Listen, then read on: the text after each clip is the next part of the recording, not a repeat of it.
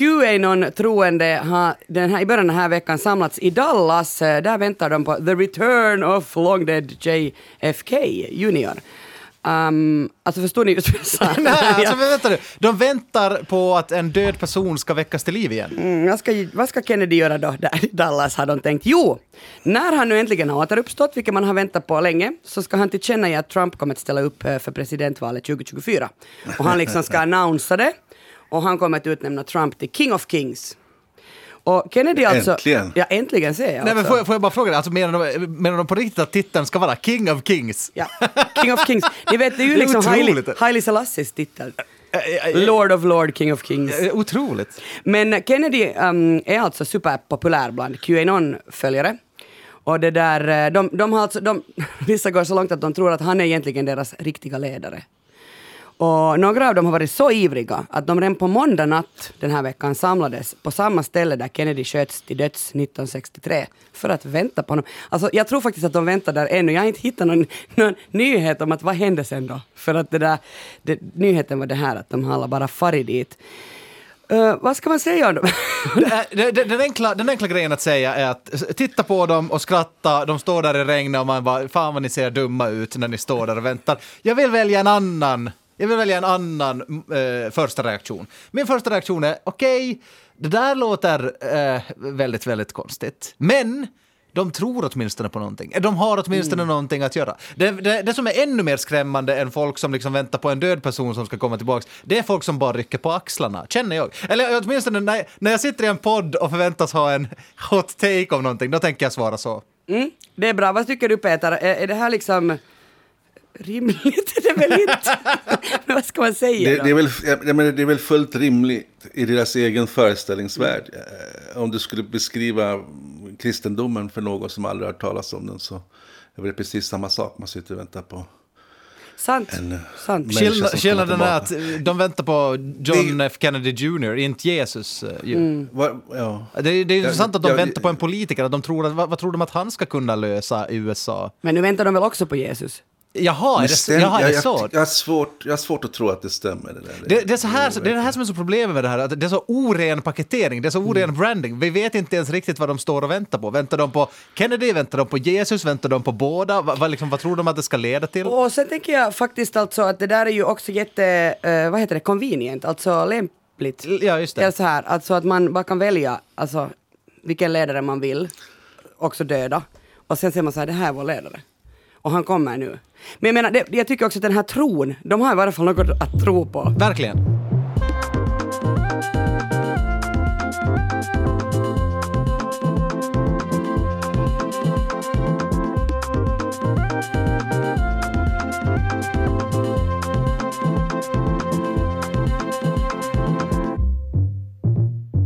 Välkommen till Sällskapet, en kulturpodd med samhällsperspektiv. Jag heter Kia Svetihin. Med mig har jag Peter Alfakir och Jonas Forsbacka. Välkomna. Tack! Moj, moj. Moj, moj. Jonas, vad ska du prata om idag? Jag ska prata om förra veckans heta teknik och sociala mediesnackis och nyhet. Facebook byter namn till Meta. Och när jag följde med den här lanseringen så lärde jag mig flera skitbra manipulationstricks som jag tänker att jag och också andra kan ha användning av i sitt egna liv också, i vardagen. För, för det har inte Facebook sysslat med alls. Nej, men precis. Nej, men visst. Bra. Situationen för klimatet blir allt mer akut och desperat. Och vad händer när liksom skolstrejker och massmöten inte bara är tillräckligt mera? Jo, extrema grupper som ekofascister skapar kaos och splittring. Men jag undrar sådär helt, helt sådär på ärlig nivå, när börjar vi kriga för klimatet? Och en annan svensk som är faktiskt, tycker jag, väldigt mycket på tapeten, det är inte Greta Thunberg jag pratar om, är Anders Malm med sin nya bok eh, som förespråkar intelligent sabotage. Vi ska alltså bryta mot lagen för att väcka mer engagemang för klimatet. Det här ska jag fundera på. Peter, vad har du tänkt prata om? Jo, jag har varit i farten igen och kollat på YouTube. Den Oj, här gången oj. så har jag hittat en helt ny genre som handlar om människor som bor eller har besökt Finland som berättar om sina kulturkrockar. Så, ja, men, alltså, jag, jag tänkte på det här för att jag, när jag själv kom till Finland första gången så hade jag ju med mig en drös fördomar med mig i bagaget. Och flera av dem är ju så gamla så att jag inte ens själv trodde på dem som att alla finnar slåss med kniven eller hänger ner vid Kniven! Slussen. Knifen, ja. Eller hänger nere vid Slussen och dricker Koskenkorva. Priten! Ja. Knifen och priten! Ja, du, du ser, det finns en viss... ja, kanske finns någon form av attraktion i det där. Men det, det, det här var ju så helt passé, och, och, även för mig när jag kom till Finland. Det här var kanske tio år sedan. Och den här gången så... så men man vet ju också att när någonting är ute och passé så brukar det ju komma tillbaka. Ja. Och den här gången så har det kommit tillbaka som vloggar på YouTube och, och video på TikTok då. Ja, nej, men förlåt att jag bryter. Alltså, det, det är inne att dra kulturella stereotyper om finnar. Nej, det är inte inne utan det här är en hel genre på YouTube. Att det är folk som reser till olika ställen och så tänker de allihopa att ja, men jag har ju en fräsch, ny eh, liksom ingång till det här. Jag, jag, ska göra min egen kanal och så ska jag berätta hur det är att vara en koreanska i Finland. Eller jag är, kommer från Australien. Jag, jag ska berätta hur det är att vara en australiensare i, i Frankrike eller någonting sånt. Och till Finland, även i lilla Finland, så finns det en hel uppsjö med eh, youtuber och, och tiktokar som gör de här grejerna för att tipsa sina landsmän eh, vad det är. Liksom. Och det handlar då ofta om personer som har hamnat i Finland av någon orsak och som de berättar om sina första intryck. Och vissa är ju så ytliga att man baxnar och andra är ju förvånansvärt intressanta. Är, är, är, det... är det intressant på riktigt alltså? Jo. Men, men är men det inte ofta... lite mossigt? Jo, det är det som, det är det som, det är det som jag... Det var hela poängen. Det, det, som jag, det var hela poängen och du förstörde nu hela min prat. Men, tack Kia. Tack. Ja, i alla fall, det som, det som är, är grejen att man kan själv tycka att det här är ju måste, men jag kommer tillbaka till det. Liksom. ja. För fördomar är ju någonting man tycker att vi i det här upplysta 2021, att det är någonting vi har lämnat bakom oss. Men tydligen är också någonting vi helt enkelt på automatik bara upprepar. Och det, det är ofta utbytesstudenter som, som är, sitter i en studentlägenhet och spelar in de här. Och det rör sig om japaner, koreaner, fransmän, amerikaner och alla gör sin egen take på kulturkrockar i Finland. Man kan googla på sådana här saker som living in Finland eller tio kulturkrockar som jag upplevt i Finland och sådär.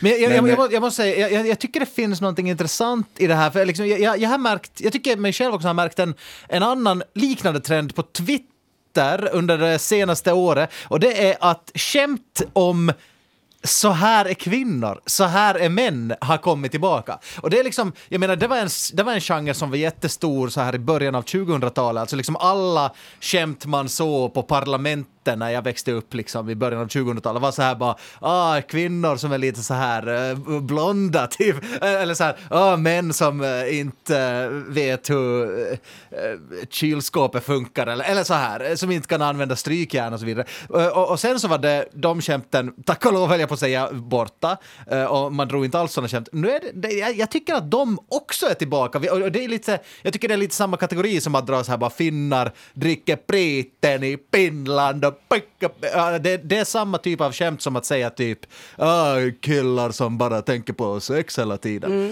Uh, att, jag, jag, jag, tror, jag, jag, jag, bara som en reflektion, jag tror att du är någonting på spåren Peter, att det, det är cirkulärt det här, det, det återkommer trender. Jag tror att det kommer tillbaka och sen så kan vi diskutera varför det kommer tillbaka den här, den här flykten mot, uh, mot fördomar, mot schabloner, mot saker som upplevs som trygga och beständiga i en obeständig och flyktig tillvaro. Men om du någonsin då, om jag går tillbaka till det jag pratade om, om du någonsin till exempel undrat vad en person från Zambia tycker om Finland eller vad hon har upplevt så kan du alltid gå in på Youtube och kolla det då. Och, och ännu intressantare är ju också, inte bara vad hon berättar utan den bild som hon vill förmedla av Finland. Vad har hon eller de andra då, plockat upp som är så intressant så de vill liksom varna sina egna landsmän eller berätta om och tipsa om om vad, vad, vad, tror ni själva liksom dyker upp? Om, man ska, om vi ska köra här nu en slags uh, fördomsbingo. vad tror ni att folk säger om Finland? Så jag har skrivit ner en massa nyckelord här, så jag, jag, jag skriker check när ni säger något av dem. Får vi höra. Vad tror ni? Tysta. Tyst, liksom inåtvända. Yes. Ja. It is cold, det är kallt. Det är check. Otrevliga. Nej. Det, det där var din egen.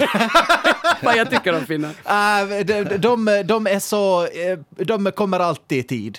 Ja. Rasister. Nej. Aj, en egen En egen igen. Oj, jag, jag kan de här. Vad har du för bild av Finland? Vad kan det vara? Oh, de, de alla... De, de, de, Super!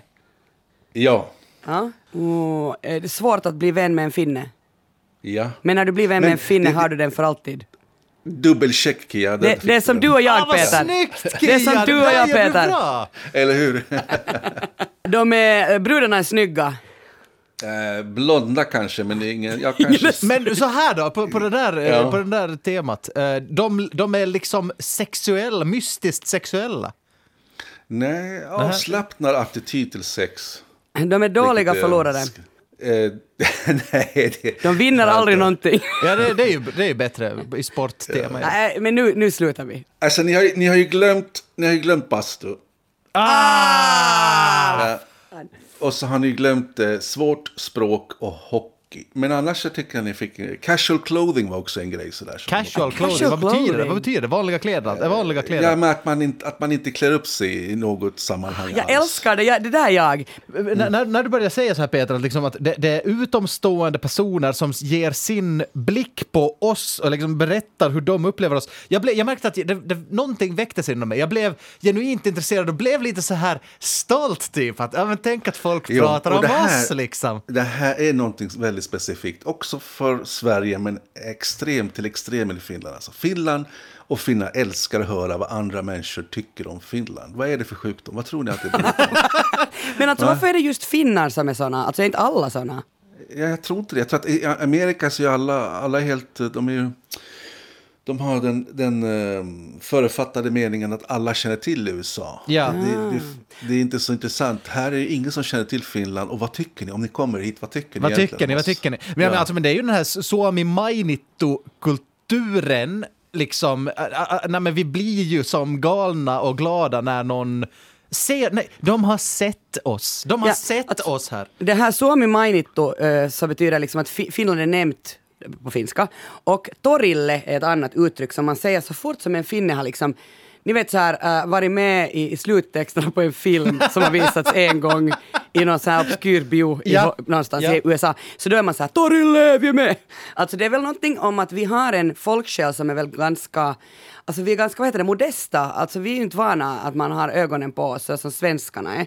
Men när vi någon gång sen kan ens komma med i en parentes så då, då är vi sådär, yeah, där är vi! Så tror jag. Och det här också bevisas genom att, att till och med på den här eh, YouTuben som är en kvinna från Zambia som berättar för sina landsmän i Zambia om de kommer till Finland så är det en liten kommentar från en finsk man eller någonting som är, är liksom I just wanted to say that in Finland we have this Eh, så det, det, det stämmer ju. Man, man är, Men det var det är ju- gulligt. Jag tror att ändå att majoriteten av de, de som tittar på de här YouTube-filmerna också är finnar. Ja.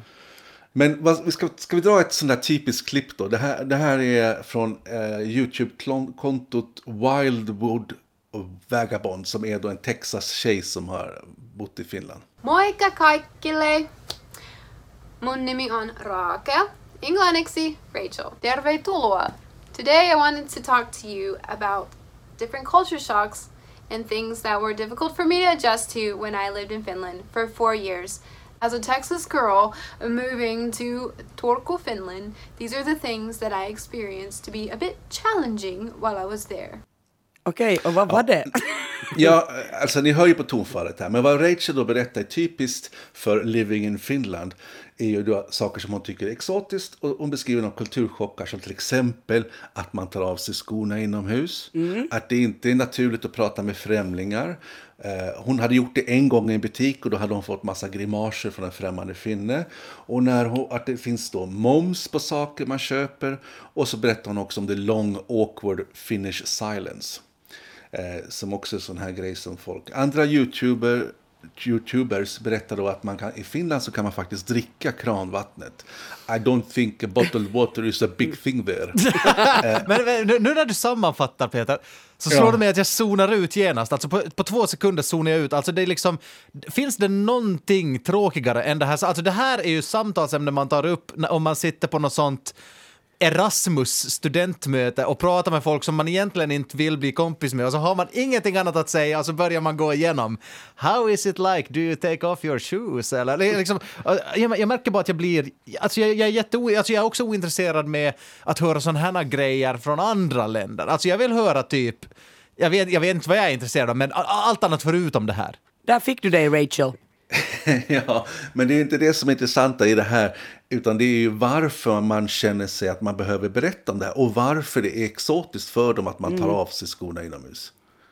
Det är också en form av att man på något sätt söker sig fram. Vad är det som är typiskt för den här kulturen och vad är det som är typiskt för min egen kultur? Eh, Och det fanns ju också saker som jag själv inte förstod varför de, de tyckte var så viktiga att de skulle ta upp det i sin YouTube. Till exempel en brittisk utbytesstudent var jättefascinerad över vilket vattentryck det är i duschen. Och att hon äntligen då kunde ta en riktig dusch.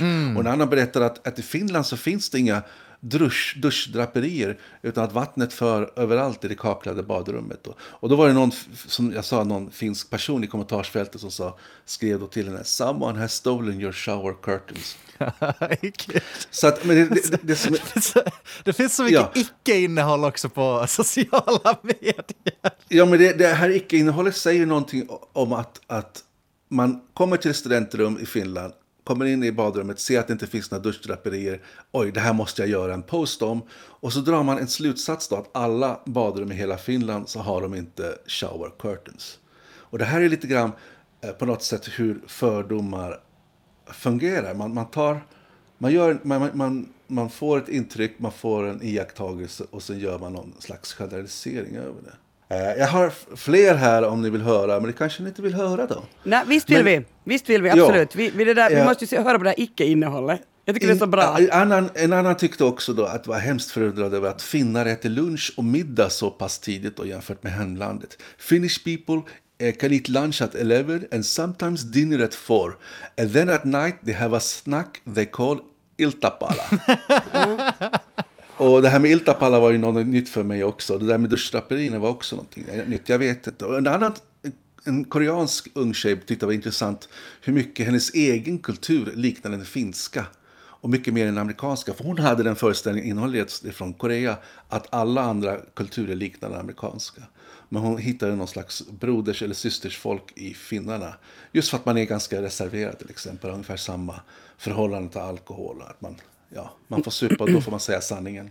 Eh, det som de här gör, de här YouTubers, det är också att genom att, genom att sammanfatta sina egna eh, upplevelser och erfarenheter av Finland så börjar de också ifrågasätta och upptäcka sin egen kultur. Och det är på något sätt spännande.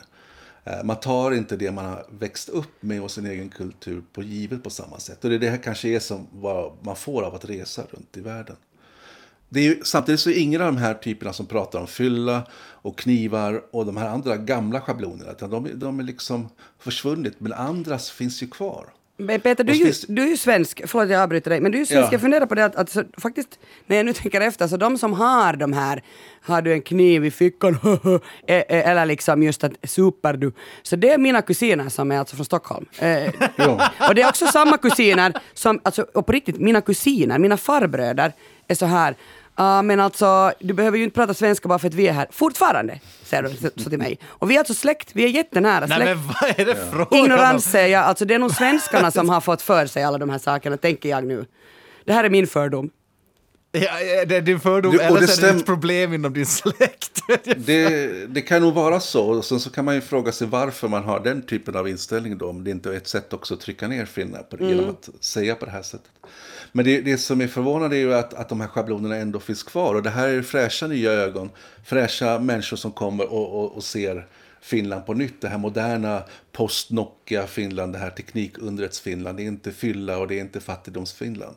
Men man ändå plockar upp det som som man själv tycker, men det där är lite mossigt och det där har man hört förut. Varför, varför ser de inte det vi ser, det, här, det som vi är stolta över idag? Det finns ju också en annan eh, intressant subgenre till den här Living in Finland och det är då en, politiserad variant som riktar sig mycket till den politik som förs i USA. Och det är amerikaner som reser till Finland eller Sverige eller något annat land i Europa och då inser att ja, sjukvården är nästan gratis, studierna är gratis att de som barnfamilj får föräldraledighet och semestern är längre än två veckor. De får ta rast på dagen för att äta lunch. Och plötsligt har de också insett då att, att den propaganda och flaggviftande som pågår i USA inte är helt ärlig. Och att det finns andra sätt att leva. Även om man då måste betala mer skatt. Ett problem som kan uppstå när, när, när, när den där blicken när den där politiserade blicken kommer in utifrån, är ju ett, ett klassiskt är, är, vad, gäller jämställdheten i Norden, som, som feministiska liksom, rörelser brukar vara lite skeptisk till. När man kommer in till Norden så märker man, liksom, pratar man så himla högljutt om ah, jämställdheten har kommit i mål här. Eh, eftersom att liksom man jämför med andra platser där, liksom där, det en, där läget är ännu sämre, där, där normerna är ännu snävare eller där, liksom, där, där det till och med finns lagar som är, som är liksom eh, väldigt ojämställda. Och så, så, så blir det, helt enkelt att blicken kan vara ganska onyanserad. Att liksom, ja men visst kan man säga, ja men uh, man, jo, men har, man har rättigheter bort, som arbetare i Finland, men jag menar det finns ju också men Du glömmer bort en sak Jonas, och det, det, det, finns ju grader i helvetet. Det finns ju, nyans, ja, ja, det finns ju nyansskillnader. Jag ska, mitt nästa exempel är just det, och det intressanta är ett exempel där när jag hör en, en YouTuber från Alice Hautanen, som är då en afrikansk kvinna gift med en svensk man. Jag tror hon kommer från Kenya, men hon beskriver sig bara som Af African woman. Och hon kör en del modetips, men i en av de här videorna så har han bjudit in sig två väninnor som också är gifta med finska män. Och, så, och här berättar hon då hur, hur det är. Finnish men don't make the first move when they're not drunk. I know, I know. they're drunk. No. They make the first move. Because my husband was drunk. yeah. Well, he was drunk when we met. And yeah, he did the first move. oh, okay. Ja, nu fick vi höra då att, att finska män måste vara fulla för dragga. Men det här, det här är ju det är en del av det hela. Eh, hon, de, hon berättar också då att, att, att om, om då den här finska fulla mannen får nobben första gången så kommer man aldrig tillbaka igen. Och det, det är inte så afrikansk raggningsteknik går till utan man, det är liksom persistence som handlar där. Eh, men det, det, är en sak. Men det, det som de lyfter i, och pratar om är, är hur det är att leva i ett förhållande med en finsk man. Och där uppskattar de då det här med att han lagar mat, han städar, han tar hand om barnen och framförallt så låter han då få, eh, kvinnorna få behålla sin frihet. Eh, I, då i jämförelse med hur de är vana med i sina egna, händer, i sina egna hemländer. Och en av kvinnorna säger då att hon tyckte att hennes egen far var en fantastisk afrikansk pappa. Men att den eh, finske mannen är på en helt annan level. Liksom. Eh, just i, i form av att vara fadersfigur och att vara delaktig och närvarande med barnen. Och här tyckte jag det lyfte på något sätt. För det här, det här tyckte jag var eh, liksom lite rörande men också um, någonting som, som gör att, att... För oftast är det ju att man har en slags västerländsk blick på andra länder. Man har, man har sin egen sätt att se eh, på andra kulturer och företeelser utomlands. Eh, och här så vänds den blicken mot en själv. Och då, då var det lite trevligt att höra att, att, att de, de män som de åtminstone var gifta med, finska männen, de eh, var någonting positivt och de, som de uppskattade. Eh, på tal om det du sa, att, att man kommer hit och så har man tror att feminismen är i mål. Eh, det kanske inte är i mål, men den kanske har kommit på något, liksom en bit på vägen som gör att kvinnorna som kommer från de här länderna, där de känner sig förtryckta eller att det finns en slags machokultur bland männen, gör att de inte får eh, vara sig själva och inte får behålla sin frihet. Det är ju inte så att eh, det går att... Man, eller, det är inte så lätt att kunna generalisera en kultur i ett land. Man kanske inte heller ska göra det. Och Finland är ju idag någonting helt annat än vad det var för ja, 20, 30, 40 eller 50 år sedan. Men det är intressant att, att det är samma gamla skåpmat som dyker upp i de här YouTubernas video. Och några som till exempel det här med trycket i duschen är ju nytt för mig. Och, och annat som de pratar om. Så att det fortfarande finns kvar kan man ju börja bli nästan sådär lite mörkrädd. Att det, här skulle finnas någonting essentiellt finskt. Alltså, men, den, den, alltså, den...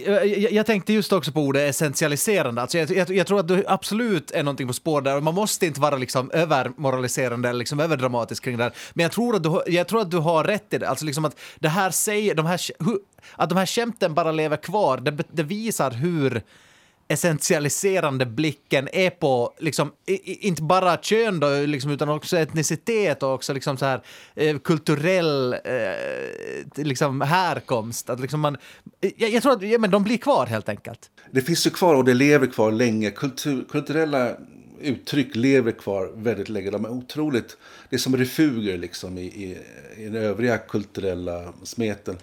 Men det är också att, att vissa schabloner och vissa fördomar förändras allt eftersom det går. När jag kom så levde liksom Finland fortfarande det här Nokia-ruset och man pratade om sig själv som high-tech och fashion och det var liksom fashion district i Helsingfors.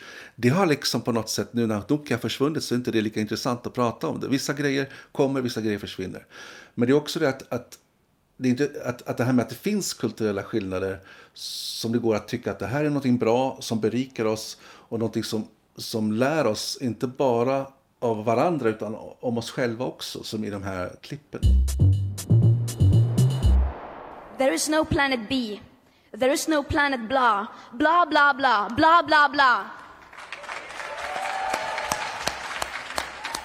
This is not about some expensive, politically correct green act of bunny hugging or blah, blah, blah.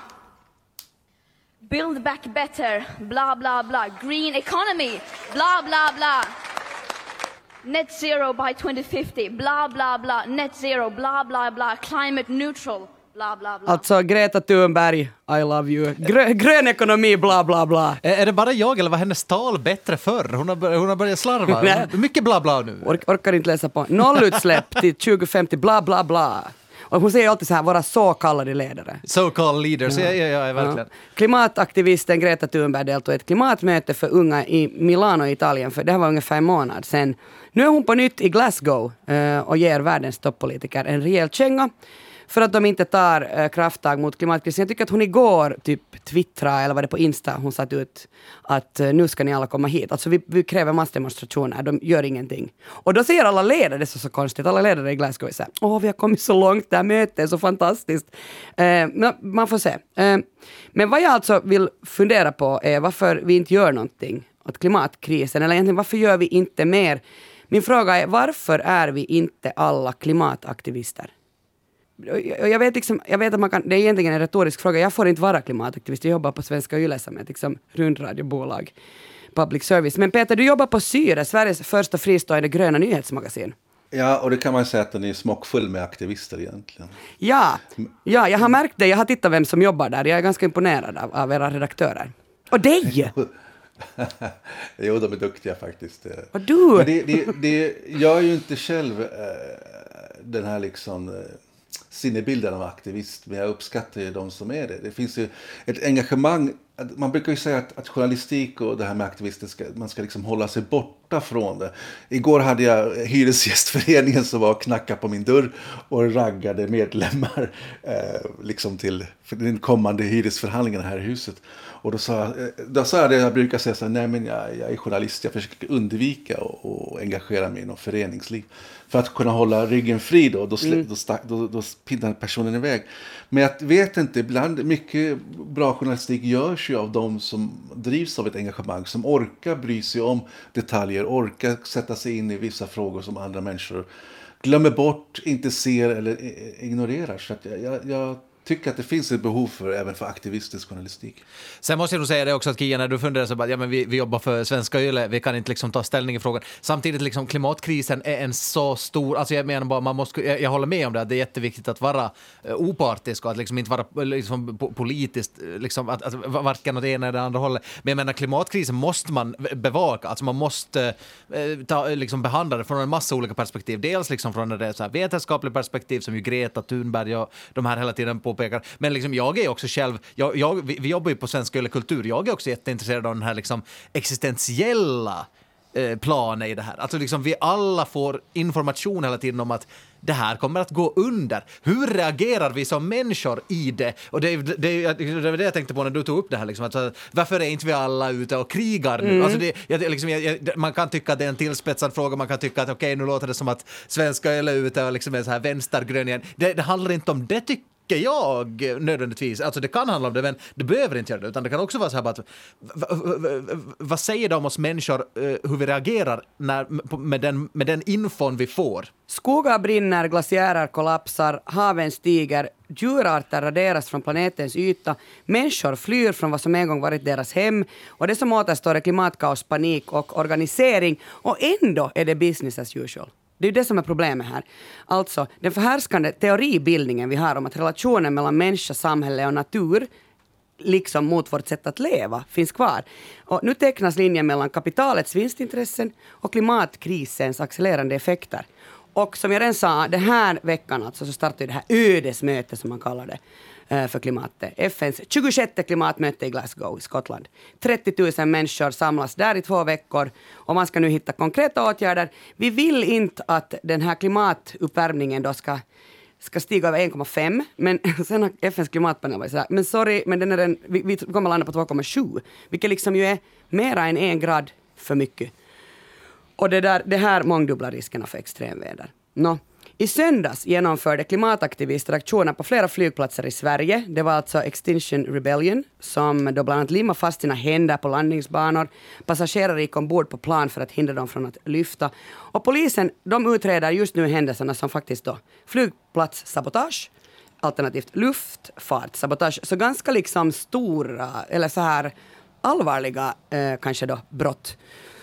Um, det var val i Tyskland för ungefär en månad sedan och, och det där uh, hungerstrejkande klimataktivister i Berlin höll på långt över 20 dagar och man måste föra vissa till sjukhus för att få vård flera gånger. Det här gjorde de alltså för att rikta uppmärksamheten mot klimatkrisen. Greta Thunberg är ju superstor i, i Tyskland. Eh, väl större än hon är i Norden. Många, må, många nordbor blir stora i Tyskland. Jag tänker osökt på Sturm Drang. De hade väl en stor karriär. Du, du, du, kan, du kan inte nu jämföra de här. förlåt, förlåt. Nightwish och så vidare. Men hej, jag undrar alltså ändå uh, varför inte klimataktivismen är mera radikal. Alltså jag tycker det är så fascinerande att varför har vi inte massor mer av sådana här inslag i klimatdebatten? Att man just hungerstrejkar, uh, far ut till några flygfält och liksom försöker stoppa flygplanen. Uh, Eh, Eh, det liksom är liksom ju ett förfärligt dåligt läge. Alltså riktigt, det är, så här, det är så nattsvart det där läget. Och ändå är vi väldigt fredligt inställda till hur det är.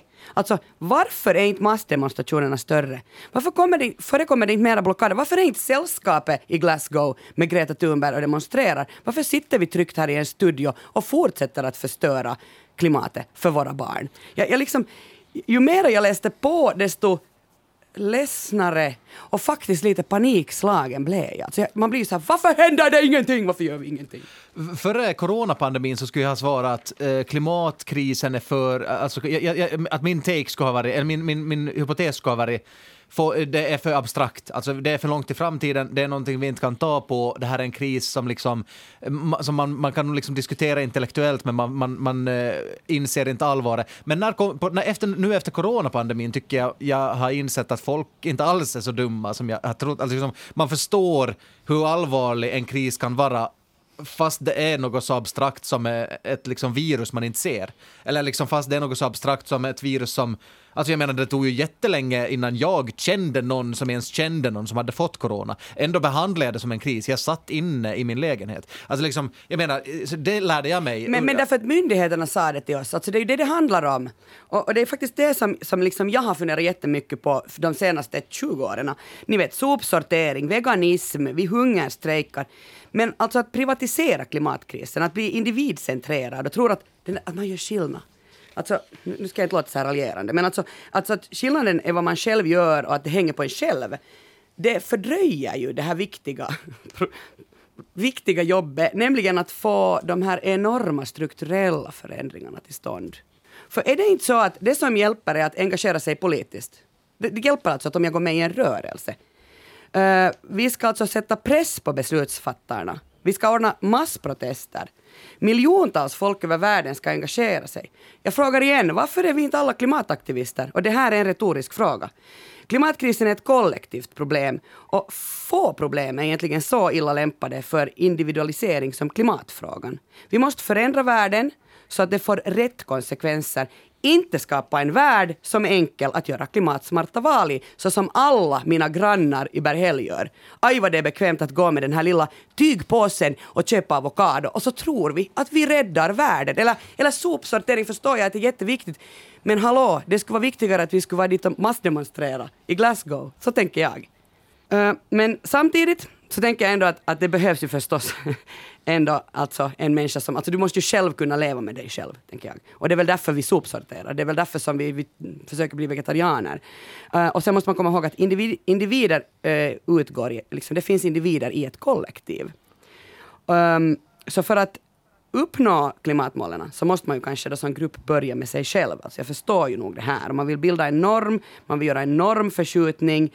Eh, det är ju det som Greta gör. Och, och liksom, för det spelar ju faktiskt roll för politikerna idag vad Greta Thunberg säger. Och det där, då blir det ju så här som att mitt beslut eller Gretas beslut ger något för folk att förhålla sig till. Och sen, tro- sen tror jag också att liksom, man ska inte heller underskatta, liksom, jag, jag, jag, jag hör också till dem som kan raljera över att liksom, åh, men, vad, vad fin du är som klimatkompenserar när du tar en flygresa. Liksom, åh, okej, de där kläderna är, är liksom mukamas-gröna då och så vidare. Men, men jag menar, man, man, jag, jag tror inte heller att man ska underskatta att, det, det som sker när man liksom går med på att börja ta tygkassen istället för att köpa en plastpåse, det, det är klart att det inte påverkar i det stora hela liksom så mycket, men det som har hänt då är någonting inne i den här personen. Jag är beredd att göra en förändring och om man är beredd att göra en liten förändring kanske man är beredd att göra en stor förändring någon gång i framtiden. Så jag tror att det, liksom, det handlar om en sån här eh, liksom kulturförändring eh, eller en liksom sån här... eh, det, det, det, där, det där är en existentiell fråga tycker jag. Vad är man beredd att offra i sitt liv för att liksom men jag menar, för att, för, att, för att det här ska gå bra i framtiden. Nej, jag tror att det, alltså, det man måste vara beredd att offra är, är ju fullkomligt radikalt egentligen. Det blir ju inga mer flygresor, det blir ju en mindre konsumtion. Man måste se till strukturer, hur samhället är uppbyggt. Det är ju liksom en det är precis som en- den ryska revolutionen, det är en helt omdaning av hur, hur världen fungerar. Och det är ju någonting som är skrämmande och någonting som kanske folk inte vill tulla på de privilegier man redan har. Och det är där problemet ligger. Det går, det går inte att göra de här halvdana grejerna. Det, eh, utan det, det måste ju till någonting annat. Och det är också som man hör eh, vissa eh, ja, filosofer eller forskare som menar att, att det, det går inte att, att komma dit i ett demokratiskt system. Och när man börjar, eh, för, behövs liksom en diktatur för att, att kunna att driva igenom reformer och så vidare. Men då, då är man inne på någon helt annan nivå som också ställer frågor. Vill vi ha det, den typen av eh, samhällsskick eller styre? Men om det är vi, jättesvårt. om vi tar det så här nu då, att vi går så här långt, alltså att vi tar till mer radikala metoder än bara aktivism. Och det där, jag har funderat just att det måste ju finnas det där föraktet mot politiska system är stort när man tar till de här metoderna, men också ett förakt mot föräldragenerationens oförmåga att göra något. No, vad bottnar radikalitet i? Eh, no, oftast bottnar det ju i att man ser världen på ett nytt sätt. No, då undrar jag, står vi på randen till klimatterrorism? Hur långt ifrån varandra ligger aktivism och extremism? SVT har ett utmärkt program som heter Utrikesbyrån och de diskuterade det här för några veckor sedan och då hade de med säkerhetsexpert Erik Levin. Och Erik Levin han jobbat tidigare för Försvarsmakten och han säger liksom att, att man får inte glömma att aktivister går till extremister som går till terrorister. Och eh, de fungerar likadant oavsett om det är IS, al-Qaida eller miljökämpar. Det vill säga, först omger man sig av folk som tycker lika och är likasinnade. Uh, allt man pratar om får man bekräftat, för alla tycker ju lika. Sen genomför man en aktion. Man vill sedan göra något ännu mer för att få ännu mera gensvar och då blir det liksom en trappa av våld och handlingar som till slut blir svåra att stoppa. Så här förklarar alltså Erik, Erik Levin hur det blir liksom extremism av det hela. Men vem är klimatextremisterna? No, det finns på båda sidorna. På vänsterkanten är det fråga om sabotage och civil olydnad, alltså som Extinction Rebellion, XR tror jag att man kallar det. Och, och det där, den grundades 2018. I Finland heter den här eh, rörelsen Elokapina. How to blow up a pipeline är en relativt ny bok, kom ut på våren eh, 2021, skriven av svenska Andreas Malm. Han är humanekolog, författare och politisk aktivist. Du har Jonas intervjuat honom, märkte jag sen. Jag, jag, intervjuat honom och läst den här boken faktiskt, How to blow up a pipeline. Jag har också pratat om den i sällskapet, men det är länge sedan. Men, men ja, ja. Han är alltså en klimatextremist. Han kritiserar klimatrörelsen för att vara pacifistisk. Han säger att stora samhällsförändringar sker bara då man bryter mot lagen. Och han förespråkar alltså intelligent sabotage för att stoppa fossilföretagens globala expansion och för att vi ska väcka mer engagemang för klimatet. Och det här är ju alltså olagligt. Tre amerikanska republikaner har nu anmält boken till FBI. Och det där de anklagar Malm för att vara en ekoterrorist och säger att vi ska passa upp med honom, han är farlig. Det här tycker jag Andreas Malm bara om. Men det där också hans förlag, de är så aha, uppmärksamhet. nej. men, det där, men hans ståndpunkt är alltså, var inte en naiv optimist, var inte uppgiven, var förbannad, omvandla din ilska till handling.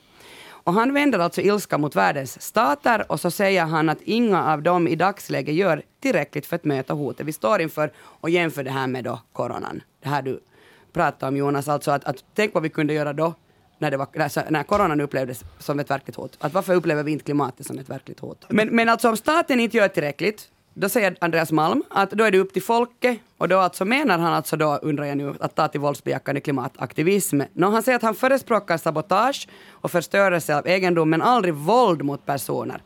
Men okej, men om du tar någon filosof som undersöker definitionen av våld så säger de flesta att sabotage är en våldshandling. Och jag tänker så att om jag bränner upp en stadsjeep så kommer ägaren nog att uppfatta det som att jag liksom är arg på honom. Alltså jag försöker så jag göra skada till honom, inte till liksom att jag säger så att det är en god, jag, jag har en god tanke i här nu. Nåja, men om vi går från vänster till höger, uh, och, och, det där, då går vi liksom till högerkanten och det har redan varnats för att man ser en radikalisering bland högerextrema. Alltså den här nygamla gröna fascismen väcker genklang. Och man använder klimatfrågan som ett sätt att legitimera de här fascistiska idéerna. Och det är alltså särskilt, eh, särskilda etiska grupper som ska träda fram och leva i den rena naturen. Och det här är inspirerat av Hitler. Hitler var vegetarian, Hitler var djurrättsaktivist. Och, eh, jag vet inte om ni minns, men 2019 var det en attack mot en minkfarm i Sölvesborg i Sverige. Gärningsmännen eh, spårades till den så kallade ekofascismen. Och det här begreppet är alltså kanske nytt för många, men idéerna är gamla. Inspiration hämtas från Nazityskland. Eh, man har återf återfunnit liksom en ny generation av högerextrema som svar på klimatkrisen deras drivkraft är ekofascism. Det är alltså en blandning av samhällskritik, naturromantik, nazistfantasier och våldsaktioner. Och det, det, finns olika, förstås många olika nätverk, men, men de här två killarna, de här svenskarna, de hade varit i kontakt med The Base of the Green Brigade från USA. Och The Base är då så här, helt uttalat nynazistisk paramilitär grupp. De förbereder sig för ett raskrig. Och The Green Brigade, the Green Brigade eh, de är ekoextremister som liksom vill få samhället störta. Och det där, man vill också krossa systemet som exploaterar länder, människor och djur. Men alltså, vad det här handlar om är alltså att de vill driva på samhällets kollaps för att bana väg för den rena rasen och den rena naturen. Gemensamt är givetvis att eh, de här extremiströrelserna inte har struktur eller ledare och man diskuterar allting fritt på nätet där de, de här idéerna och tankarna får spridning. No. Uh, och den här ekofascismen, så här finns det ju faktiskt ett, en, en risk, tycker jag, att människor kan lockas med. Alltså man tänker så här, åh, jag vill värna om miljön. Och sen liksom insmuget finns här ett budskap som är radikaliserad så, så extrem... Nazism. Ja, nazism. Och det är ju väl lite problematiskt. Okej. Okay. Nej, jag bara ska säga att det här, jag pratade också med en annan eh, person, en, en eh, forskare om civilt motstånd då, som heter Stellan Windhagen. Eh, och han eh, pratar om att många av de här demonstrationståg och protester och typ av påverkansaktioner, de är ganska meningslösa idag. Och han jämför det med hur det var förr i tiden, att man gick... När man, gör, när man är med i en demonstrationståg så är det precis som att man eh, förr i tiden gick då med mössan i hand för att klaga för kungen. Och vare sig då politikerna idag lyssnar eller inte så har man ju genom sin aktion befäst deras makt, alltså kungens makt. Men, men eh, han är också mer inne på det här som de sysslar med då i, i USA. Den här wall, vad heter de? Wall turners, alltså de, de som drar åt kranarna. De som, aktivister som, som tar sig in i kontrollrummen och stänger av kranar i oljeledningar då, som protest mot alltså, fossila Alltså som Andreas Malm var för alltså how Ja, precis. Att man, att man, att man, gör, mm. man gör någonting handkraftigt. Mm. Eh, och det är, han, han menar då att om man ska göra en sån våldshandling eller en protestaktion är det väldigt viktigt också att man samtidigt spelar in video på sig själv där man redogör för sina moraliska ståndpunkter och förklarar varför man gör det här. Och att det då finns en öppenhet.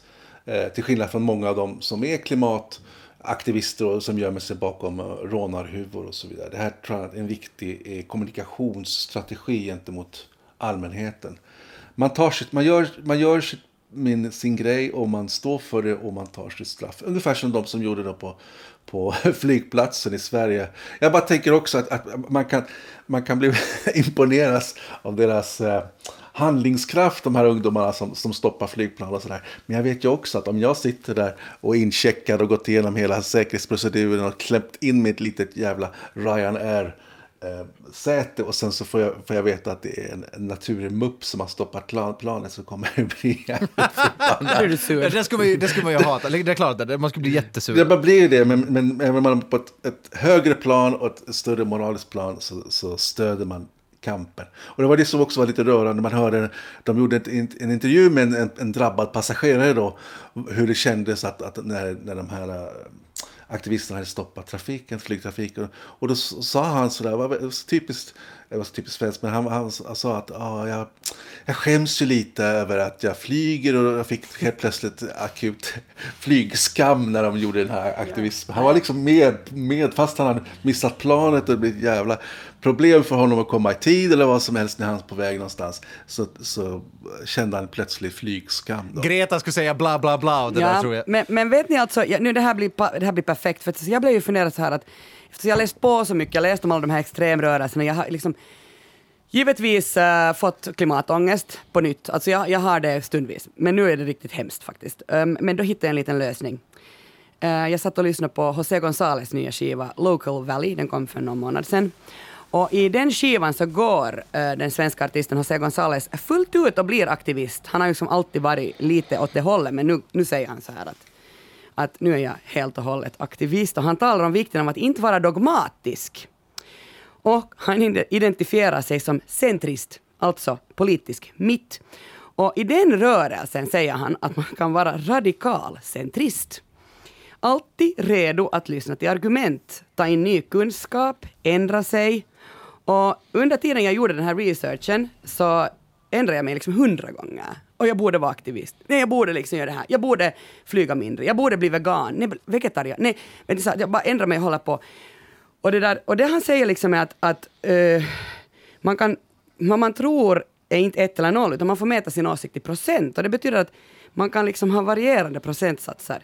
Du kan vara 70 procent för kärnkraft och 30 procent emot. Och, och liksom också den här, jag tänker att man får, måste tillåta sig till sig själv att få ändra sig. I låten Tjomme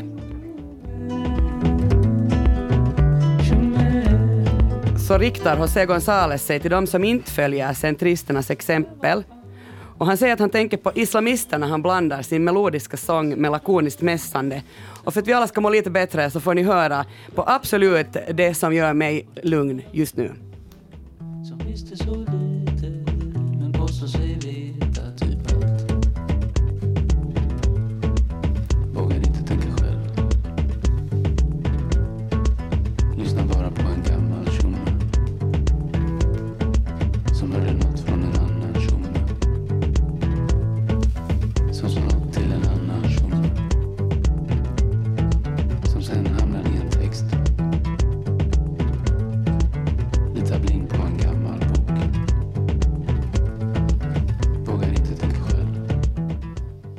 Ja, ja, vågar inte tänka själv.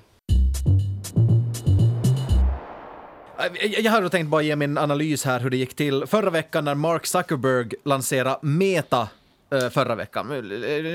Såg ni den här lanseringen? Ja. Vi såg den, jo. Facebook byter namn. Men jag tänkte, jag, jag tänkte ta det från början ändå. För, för ett par veckor sedan läckte tiotusentals dokument ut inifrån Facebook som avslöjar en massa skit om uh, sociala mediejätten Eh, som man, skit som man ärligt talat eh, väl nog hade räknat med. Eller liksom jag hade åtminstone utgått från att ja, men så där funkar det eller så, där, så här är det. Men, men som man ju nu fick då svart på vitt. Visselblåsaren Frances Haugen har jobbat tidigare på en chefsposition på Facebook, men har lämnat företaget och när hon lämnade så eh, tog hon med sig lite interna memon också.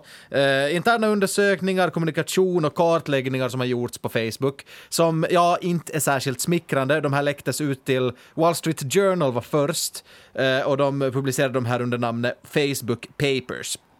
Eh, den här läckan och kritiken riktades inte bara mot Facebook-appen, alltså själva liksom Facebook eh, sociala, medie, eh, sociala mediet, utan hela företaget som ju också liksom äger Instagram, WhatsApp, Messenger och jag läste, jag läste att 2,8 miljarder människor använder de här sociala medieapparna varje dag. Så alltså det, liksom den här läckan, den här grejen som läckte ut, det berör så himla många människor. Alltså det berör oss, alltså man kan säga så här, det berör oss alla, eh, helt enkelt. Eh, några grejer bara kort som kom fram i den här läckan då, eh, som, ja, återigen, som jag känd, kändes ganska väntade, men eh, det, det, det mest skadliga avslöjandet var kanske det här med Instagrams påverkan på på särskilt unga tjejers mentala hälsa. Eh, och företaget har liksom varit medvetna enligt den här läckan om att det här är ett problem i världen. Intern research har visat att Instagram gör unga tjejers kroppskomplex ännu värre. En annan grej som kom fram var att 87 procent av innehållet på Facebook tydligen, som de kämpar med som, som desinformation eller som kränkande, är engl engelskspråkigt innehåll. 87 procent av det de kämpar med så är, så är engelskspråkigt innehåll. Medan användare som skriver på engelska bara utgör 9 procent. Alltså det finns en helt otrolig skevhet i vad man tar, vilket slags innehåll man tar på allvar och vilket innehåll man bryr sig om och jobbar med där. Uh, väldigt liten procent av hatinnehåll till exempel på arabiska upptäcktes på Instagram till exempel. Men har det här inte just varit ett superstort problem därför att inte man förstår vad... nej, nej. nej ty och tydligen, man bryr sig tydligen om att göra någonting åt det heller, vilket gör att det, liksom, det sprids massa hatinnehåll på på sociala medier hela tiden. Eh, en annan jobbig grej som kom fram som inte har med det här med hat eller liksom kroppskomplex att göra men som bara är pinsam för Facebook det är att det är svårt att få unga människor att använda Facebook. Instagram använder man och WhatsApp och så vidare, men, men, men Facebook, de har jättesvårt att få återväxt där. Uh, och ja, men så kom det, i läckan, ingår, i, i, läckan ingår också kritik mot algoritmen och så vidare. Man pratar hela tiden om det här tycker jag. I, viss, viss typ av innehåll prioriteras över det andra. Det vi ser är ofta hatiskt innehåll, eller, liksom, eller eh, inte hatiskt innehåll, men, men innehåll som väcker reaktioner. Det är det det handlar om. Och, och det här har också påverkat medier, hur medier jobbar. För, för liksom, nyhetsmedier vill att deras innehåll ska synas på Facebook vilket betyder att de har märkt att hej, men då måste vi väcka reaktioner, vilket betyder att de jobbar på ett visst sätt. Ja, men det här är ett demokratiproblem och så vidare och så vidare. Vad känner ni? Håller ni med mig? Känns det som väntade grejer som ingår i den här läckan eller? Ja, alltså inte kan man ju, alltså, inte, alltså, jag tycker inte att det var då, den här kvinnan som kom fram med, med de här, vad hette hon nu? Frances Haugen. Ja, hon... Eh, det var ju inga, alltså, det var inte jätte, tycker jag, överraskande. Överraskande var ju att hon var så modig på något sätt, att hon vågade. För jag tänker ändå att att det där, hon går ju mot liksom nättroll. Alltså, kan ju också, mycket, överlag Facebook är ju så enorm industri. Uh, ja, nej, jag, jag, var inte överraskad. Nej, det, det som är alltid överraskande är att man, man känner till alla de här grejerna och ändå sitter man på Facebook varenda Just det. dag ja. och pillar. Ni vet... det, det, spelar ingen roll, det spelar ingen roll hur ondskefulla de här uh, IT-jättarna är eller, eller Bezos eller Amazon eller vad det nu gäller. Man bara fortsätter ändå. Alltså, ni vet, ni vet Tinder? En, en retorisk fråga. Men alltså det tog ganska länge för mig innan jag var så här bara, ah, inte vill de ju att jag ska hitta någon. De, Nej, just de, de vill ha mina pengar! Exakt, ja, visst. Men alltså tänk att det tar så länge liksom att, och också det här ni vet när man ska logga in någonstans så är det ju så här, vill du logga in med Google eller med Facebook? Jag bara, åh gladeligen loggar in. Alltså, varför tar jag inte betalt för att jag delar ut nej, liksom, visst, mitt nej, liv nej, till folk? Uh, vi är i alla fall alltså inte överraskade, men hur reagerade, det är det jag vill komma in på här nu, hur, hur reagerade Mark Zuckerberg, chefen, vdn för, för Facebook, grundaren av Facebook, hur reagerar han på den här läckan som kom ut då? Namnbyte! Just det. det är helt genialt alltså. Han tänker så här, nej men vänta nu. Eh, alla pratar om hur skit vi är, vi måste få folk att prata om något annat. Vi byter namn. Vi byter namn. Det här är ett bra tips till alla som lyssnar på Sällskapet. Har du, har du gjort något skit idag? Byt bara namn. Jag, jag, jag till exempel, jag heter inte Jonas längre, jag heter Klas. Kalla mig Klas efter. Uh, nej men det, det, alltså, eh, förra veckan och väl fortfarande den här veckan har det varit en hel del memes på Mark Zuckerbergs lanseringsvideo av Facebooks namnbyte då. Eh, bland annat bilder på, ja men eh, Mark Zuckerbergs ansikte gör som med roliga, roliga Photoshop-grejer. Den här Meta-loggon, alltså ja men namnbytet då till Meta. Den var också liksom lite, den var lätt att göra till en penis. Uh, det har folk gjort. Uh. Alltså jag måste ändå säga min bästa är If you die in the metaverse, you die in real life. just det, just det. Det är också en meme. Sen en annan grej, det här är bara en detalj, men liksom det, jag reagerar bara på det. I den här lanseringsvideon där Mark Zuckerberg står och presenterar den här nya metaverse då, Så i, i, i något skede, i en scen står han eh, framför en bokhylla och i, på ena hyllplanet en liten dressingstub, eller liksom någon slags, någon slags eh, sås. Är det inte någon barbecuesås? Jag har lä- läst om den här Och, och, och det dressingen. där har all, liksom, det där är, en- och det är otroligt genialt. Jag vet att alltså Jimmy Åkesson tror jag har gjort samma sak när han har hållit någon liksom jättekontroversiellt, eller liksom han har hållit något tal, livesänt tal där han ska säga någonting jättekontroversiellt, så har han haft en chipsskål som är helt absurd. Och typ eh, i, bak, i bokhyllan hade det varit en uppstoppad bever. Och så plötsligt fokuserar sociala medier bara på det här. Men det, men det, och inte på det man säger. Alltså det där är ett PR-strategi som verkar funka. Mark Zucker, det är kul att Mark Zuckerberg och Jimmy Åkesson båda, båda har gjort den här, eh, det här tricket då. Också alltså farligt smart tricks. Ja, vi- visst, Ja, visst, eller hur? ja. Eh, Så det, det är ett annat tips då. Byt namn till Klas och ha en dressingstub med dig hela tiden när du ska göra någonting kontroversiellt. Jag vill ha en uppstoppad bäver. Men ja, okej, nyheten då jag vill prata om. För en vecka sedan när det här avsnittet kommer ut av Sällskapet så lanserar då Mark Zuckerberg det här nya, nya namnet Meta, vilket i praktiken, det är svårt att förklara vad det är, men i praktiken är det en väldigt orealistisk lansering av en idé om att man i framtiden ska kunna hänga och umgås i virtuella verkligheter med varandra. Istället för att använda sociala medier som vi gör nu, att vi har en telefon eller vi har en dator eller någonting och vi kollar på en skärm, så ska vi kunna ta förmodligen då VR-glasögon på oss och gå in i en virtuell verklighet där vi kan bland annat, enligt, enligt den här lanseringsvideon då, köpa NFT-konst, eh, hänga med varandra, eh, gå runt och välja helt hur vi ser ut. Vi kan alltså gränslöst välja vilka kläder vi har, vilken form vi har, vi kan liksom, vi kan ta, eh, vi kan uttrycka helt gränslösa identiteter och så vidare. Och när man går på konsert så får man alltid första raden. Ah, snyggt! Men vill, alltså, förlåt, jag vill inte gå på konserter online. Alltså det här har, jag tycker covid gjorde det väldigt klart. Och framförallt, det, liksom, okay, man, vill- eh, det kan vara en sak, man vill inte att det ska bli så här. Den andra saken som liksom Facebook och Mark Zuckerberg har fått kritik för det är att det här är totalt orealistiskt fortfarande. Alltså liksom ja, Facebook har köpt upp till exempel VR-glasögonmärket Oculus och så här. Och jag menar, Facebook har ju då Instagram, WhatsApp, man, man kan liksom kombinera alla dem för att skapa en enhetlig tjänst. Men, men alltså det, liksom den där lanseringsvideon var helt absurd. Alltså det, det kommer inte vara så där liksom. Det, det är kritiken han har fått för Nej, det. jag tänker då när jag står där längst fram och, och tittar på någon konsert och jag för första gången i mitt liv faktiskt ser till scenen så är där ändå någon gubbe som sätter sin virtuella penis i min rygg. Nej, nej. Nej men så här är det ju, alltså, tror han att, att vi bara för att vi är i virtuellt liv skulle vara snälla? Hans virtuella penis i min rygg var en bra formulering. Um, um, uh, ja, men det, det jag i alla fall ska komma fram till, eh, liksom, ja, eh, den här lanseringen har fått kritik för att den var liksom totalt orealistisk. Jag läste också i The Guardian, en PR-expert som sa att det här kan ha varit ett, alltså det, var, det kan ha varit ett dumt drag av Mark Zuckerberg att själv vara ansikte utåt i den här lanseringsvideon. Alltså liksom, och, och, och, den här PR-experten hade två poänger. Så här. Den ena, om, om man vill lansera någonting nytt som inte är det gamla, varför är den gamla produktens grundare med där. Alltså liksom man börjar genast tänka på Facebook. Och, ifall, och ifall lanseringsvideon av namnbytet eh, och Meta och den här liksom nya virtuella plattformen, ifall det var grejen, varför, ha, varför, varför är det enda man tänker på face, den, liksom Facebook och deras dåliga rykte nu? Alltså liksom, kanske Mark Zuckerberg har storhetsvansinne, Eh, kanske han har Kanske det, men, men ja, det kanske var hans storhetsvansinne som fällde honom lite här. Sen är han, det, jag tänker så här, Facebook är inte så, det är så Facebook är den här mobbande stora brodern. Man tycker ju väl inte att, alltså man vill ju inte så här hoppas att det blir bra. Nej, Nej, nej, jag. nej. jag har liksom inga sympatier. N- när- jag klickar in mig på den här lanseringsvideon, det är ju inte som att jag liksom vill dem väl. Nej. Man vill ju att det ska Nej. vara pinsamt då. Men, men ja, men det, det- jag skulle komma fram till i alla fall, efter att ha sett den här lanseringsvideon, det var att jag lärde mig tre manipulationstricks från den här videon som jag tänker att vi kan alla bära med oss i vårt eget vardagsliv också. Det här liksom, så att vi får någonting ut av den här oerhörda derailingen som Facebook har lyckats göra nu då. Och det första eh, tricket som man kan göra, det är att kalla någon annan boss hela tiden. Man, man väljer någon i ens bekantskap, bekantskapskrets som man kallar för boss eller chefen. För det, det gör Mark Zuckerberg hela tiden i den här... Det är någon robotliknande karaktär i den här virtuella verkligheten som Mark Zuckerberg då går in i, som man kallar boss. Och det är ju helt genialt när man tänker på det. För det är ju Mark Zuckerberg som är ansvarig. Det är ju han som är ytterst ansvarig för allt skit som Facebook håller på med. Men om han kallar någon annan boss så får man ju känslan av att, men vänta, Mark Zuckerberg är en helt vanlig t-shirt-kille som inte har ansvar här. Alltså förlåt, jag tänker bara på Bruce Springsteen. Ja, just det, han har kallas ju ja, snart startar han en podd med Bruce Springsteen och Barack Obama. Inte helt omöjligt, inte helt omöjligt.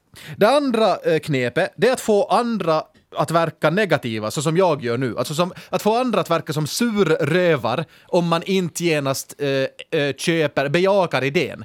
Alltså det som Mark Zuckerberg gjorde var ju, att, var ju inte att säga jag har en färdig produkt som jag lanserar, utan det var att lansera en idé. Jag skulle vilja att det skulle se ut så här i framtiden. Han sa bland annat saker som eh, “In the next decade” och “We build for the future” och, och, och “I am energized to be on this journey with you”. Alltså liksom, han, han, han, han var tydlig med att vi lanserar inte någonting som är realistiskt, men låt mig säga en idé utan att vara så neggo genast. Liksom. Så när man, när man genast blir som jag då, liksom kritiserar, då framstår man som väldigt oskön. Alltså, det finns en sån här idé om att när man brainstormar, då ska man inte säga nej, då ska man vara bejakande. Okej, men Mark Zuckerberg, du kom med en idé, vad, vad intressant. Så alltså det här, intressant idé. hörru. är, är meta liksom egentligen bara en brainstorming-session? Ja, Det är, det är, liksom, det är en otrolig brainstorming. Alltså, det är ju en utopi han liksom målar upp. Och liksom, han säger själv att liksom, vissa kommer att säga att det här är fel tidpunkt att fokusera på framtiden, men jag tror att teknologi kommer göra våra liv bättre. Framtiden kommer skapas av de som är beredda att stå upp och säga det här är framtiden jag vill ha. Och när han, säger, när han formulerar sig så, så framstår man ju själv som ganska oskön när man, när man tänker nej, jag vill inte tänka på framtiden, jag vill tänka på hur skit Facebook är. Och då, då, då, ja, men man framstår som negativ. Så det, det var andra trickset. Få andra att verka negativa och det första var då kalla någon boss hela tiden. Och det tredje och sista, det är det här med att om man tjänar, alltså om man har en förmögenhet på drygt 120 miljarder dollar och man samtidigt inte eh, under flera års tid inte alls betalar någon, någon, eh, någon, någon skatt typ, då kan det vara bra att ha en frisyr som ser ut att vara värd två euro för att få folk att sluta tänka på den här förmögenheten hela tiden. Och det gör Mark Zuckerberg bra. Hans frisyr, nu, nej, det här är lite eh, osakligt att eh, kommentera folks utseende. Ja, det tycker jag också Jonas, men, men okej det är Mark Zuckerberg, så kör. Nej, men han, ser- han, han- jag säger inte att hans frisyr är ful. Jag säger att hans frisyr får en att glömma hur rik han är. Han klär väl lite ner sig va? Han klär ner sig. Men det har alltid varit hans grej. Jag tror att... Jag, jag Han är en finne. men det är, det är väl den här, det är väl de här techjättarnas, liksom, de här de techcheferna har väl alla liksom bara en grå t-shirt och jeans på sig. För att de vill fokusera på att göra framtiden bättre, inte bry sig om vad vilka kläder de har på sig. Eh, tack Peter och Jonas för sällskapet. Tack! Tack. Vi för gärna dialog med våra lyssnare. Skriv till oss på sällskapet.yle.fi. Alla referenser hittar du i avsnittsbeskrivningen på arenan. Vi hörs! Hej då! Hej då! Peter, säg hej då. Ja, ja, ja, hej då. Yle Areenan.